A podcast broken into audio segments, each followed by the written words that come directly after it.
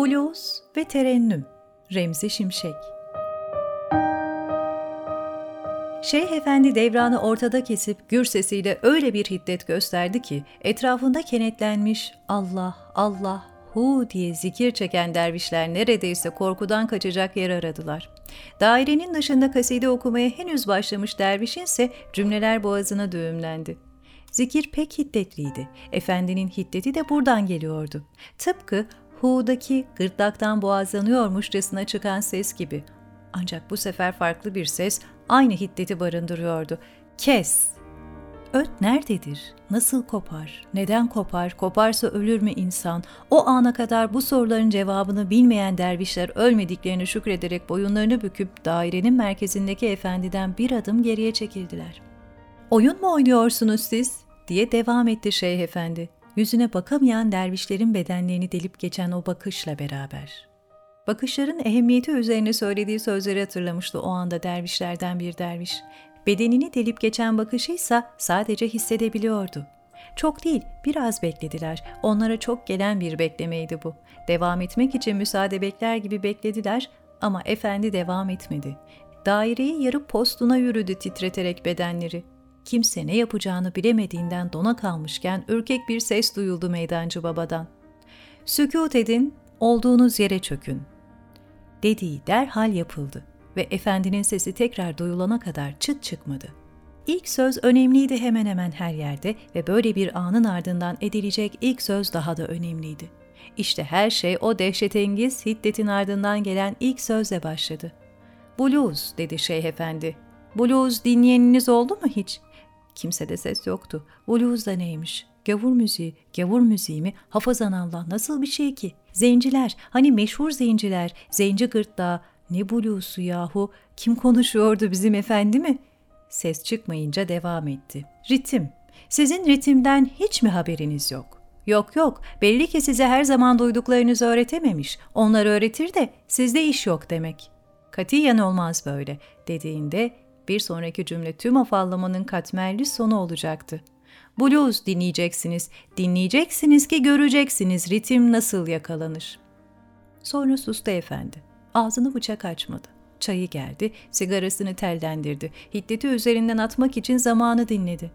Dervişlerden bir derviş diğerlerinin aksine Şeyh Efendi'nin hayretlere düşüren sözlerini adam akıllı düşünmeye koyulmuştu. Düşünmek yetmez çoğu zaman insana. Dervişe de yetmedi. Meydancı babaya yanaşıp efendiyle görüşmek için destur istedi. Yılların meydancısı bile genç dervişin cesaretini şaşırmıştı. Birkaç saniye gözlerine baktı emin misin der gibi. Kaçırılmayan gözler eminlik alametiydi. Nitekim destur verildi, delikanlı yanaşta el öpmeye yeltendi, el geri çekildi, diz çöküp usulca eğildi. Efendim, kimi dinlemek icap eder?'' Şeyh Efendi sanki sert bakışlarının yumuşayıp yüzünde o tebessüm oluştuğu anda 23 yıl evvel posta oturduğundan bu yana duymayı beklediği soruyu duymuştu. Dervişte heyecan, dervişte umut vardı. Umut fena halde güçlü bir duygudur. Ümit var olabilmek maharet ister. Zorluğu da bundandır. Derviş maharetliydi belli ki diğerlerinin aksine. Şeyh Efendi'nin gönlüne kıssalar düşüyordu. İstidadı ezeli, istidadı ezeli, istidadı ama dilinden Süleyman Burke ismi döküldü. Soloman derler orada, öyle ara bul. YouTube falan diyorlar, vardır orada. Soloman Burke yazacaksın anladın mı? Bu herifi dinle. Emriniz başım üstüne efendim, dedi ve derhal çekildi derviş. Edeple çekilmek. Ritüeller önemlidir. Ritüeller bir hava barındırır. Ritüeller bir geleneği temsil eder ya hani aynı anda terbiye de eder. Derviş terbiyeyle ayrıldı. Bundan sonra ne oldu, ne olacak? İnternet denen meletin mahareti, teknolojik harikalar eşliğinde bir kulaklık emniyetiyle dervişin kulağında blues olarak peyda oldu. Yolda blues, her yerde blues vardı artık. Yabancı bir dilin bütün yabancılığı kulaklarında ritim olarak canlanıyordu. Kelimelerin yetersiz kalacağı tarifsiz duygularsa cabası. Don't give up on me derken ne dediğini merak etmeden dinledi derviş. Please, please serzenişini ise okulda öğrendikleriyle birleştirip ortak oldu o serzenişe. Metroda yaşandı tüm bunlar. Ertesi günde metrodaydı Soul Surgeon'la beraber. Enteresan sayılabilecek bir satıcının sözlerine güvenip aldığı kulaklığa o da güveniyordu.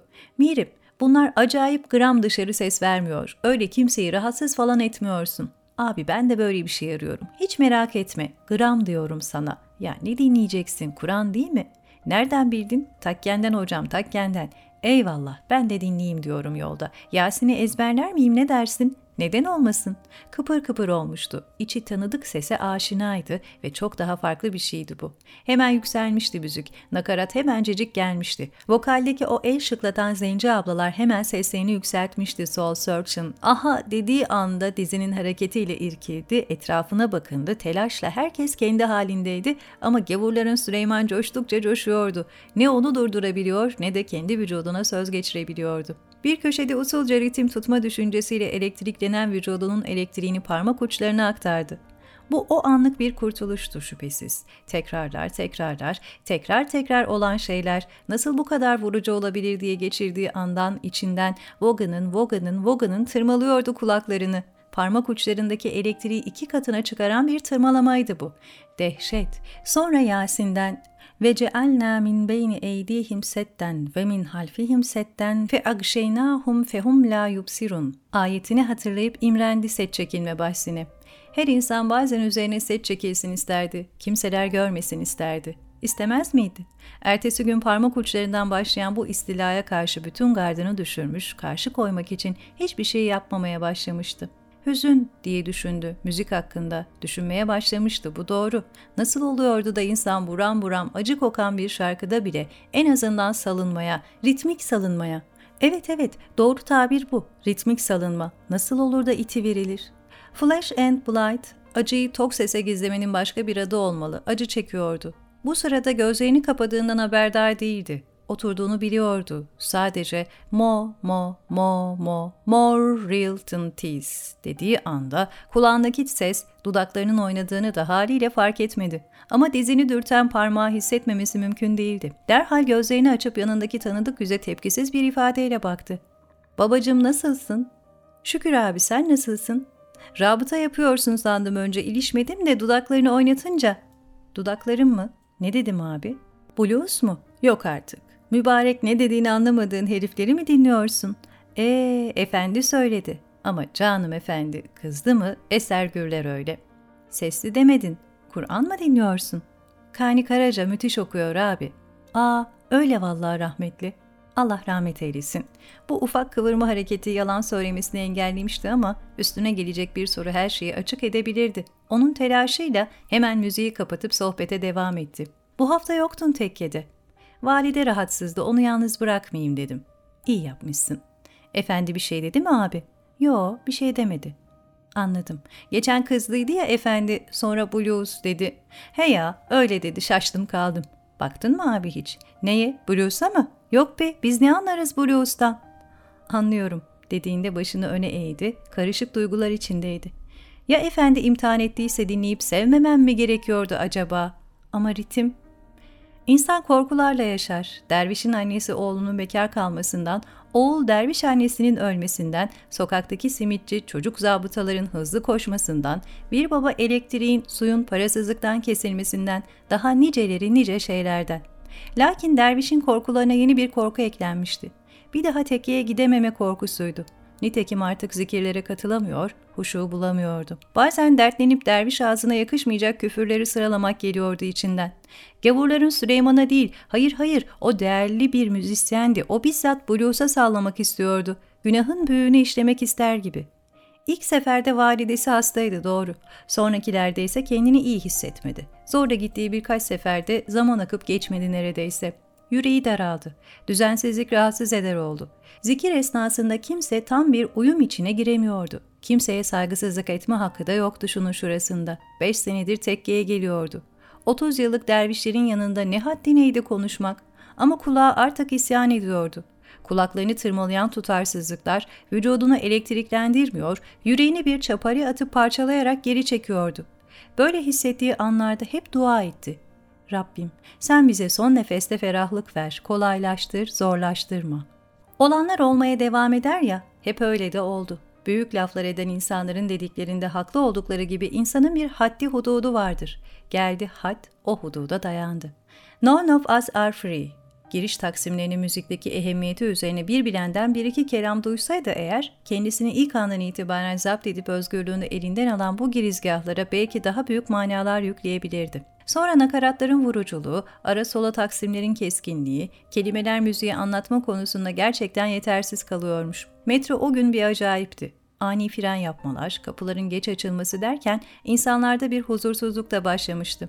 İşte böyle bir andı tam Bay Solomon çığlıklarına başlamıştı ki gerçekten çığlıktılar. Durağa henüz giren tren ani bir fren yaptı. Derviş düşmemek için demirden yakaladı yakalamasını ama başındaki tekkeni fırlamasına, cebindeki telefonla kulaklığın bağlantısını kopuşuna engel olamadı. Yavurların Sülü aman ya Rabbim annesinin dediği gibi çağırıyor. Bu herif neden bu kadar çağırıyor ama nasıl? Kulağında başka bir kulaklık olan genç dışında vagonun tamamının bakışları dervişin üzerinde. Dervişin aklı birazdan içeri girecek güruhun ezeceği takkesinde ve tabii ki cebinden yükselen o muazzam sesteydi. Seçimini yaptı. Bakışları aldırmadan henüz kapılar açılmamışken önce takkesini alıp başına koydu, sonra da kulaklığını taktı. Bir an yüzündeki kızarıklığı bir kenara bırakıp espri yapmayı bile düşünse de vazgeçti. Ah bu blues, ah ah insanın aklını başından alıyor. Yol boyu kafasını hiç kaldırmayan gencin dinlediği müziği düşündü. Onun kulaklığı çıksaydı benim kadar dikkat çekmezdi herhalde. Cübbem yok belki ama takkem ve kısa da olsa sakalım var. Dinlediğim şey ise bambaşka bir şey. Üç durak sonra inip hızlıca açık havaya doğru seyirtmişken aynı vagondaki kulaklıklı gencin yanında belirmesine şaşırdı. Bakışları üzerinde hissettiğinde kulaklarından birini çıkarıp döndü yüzünü. Genç yumruğunu selam verir gibi uzatınca pek de şaşırmadan karşılık verdi. Havada tokuşan yumrukların ardından ''Abi müthişsin, aynen devam derim. Eyvallah, eyvallah bizden baba.'' Bir anlığına gururlansa da içindeki huzur çabuk kayboldu. Üstelik rezil olmuştu da. Koca vagonda sadece bir iki kişi yaşanan olaydan hoşnut olmuş olsa gerek. Diğerleri sakalına takkesine takıp Dali El Beydur'u beklerken telefondan koca bir zenci ciğerlerine doldurduğu havayı haykırmıştı. Kolay kolay da anlaşılabilecek bir şey değildi doğrusu. Vagonun istatiksel fazlalığı canını sıkıyordu. Neler yapıyorum ben ve soluğu akşam Şeyh Efendi'nin dizinin dibinde aldı. Efendim, emriniz üzere dinliyorum. Hala dinliyorum. Kendimden geçiyorum neredeyse. Ben devranda tek sefer cezbe yaşamamış biriyim. Ne oluyor bana? Kulağın terbiye oluyor evladım. Artık malumunuz gelemiyorum da tekke, korkuyorum. Seni gönderiyoruz da ondan gelemiyorsun. Korkma. Nereye efendim? Daha güzelini bilenlerin yanına. Kulağın burada huşu bulamaz artık. Ya orada? Orada buluyorsa da gerek yok. Orada daha güzeli var. Peki siz? Bizim imtihanımız bu. Burada kalmak. Hem ne olmuş bize? Seni gönderiyoruz ya. Gitti. Dede efendiyi terennüm edenlerin yanına huşu ile.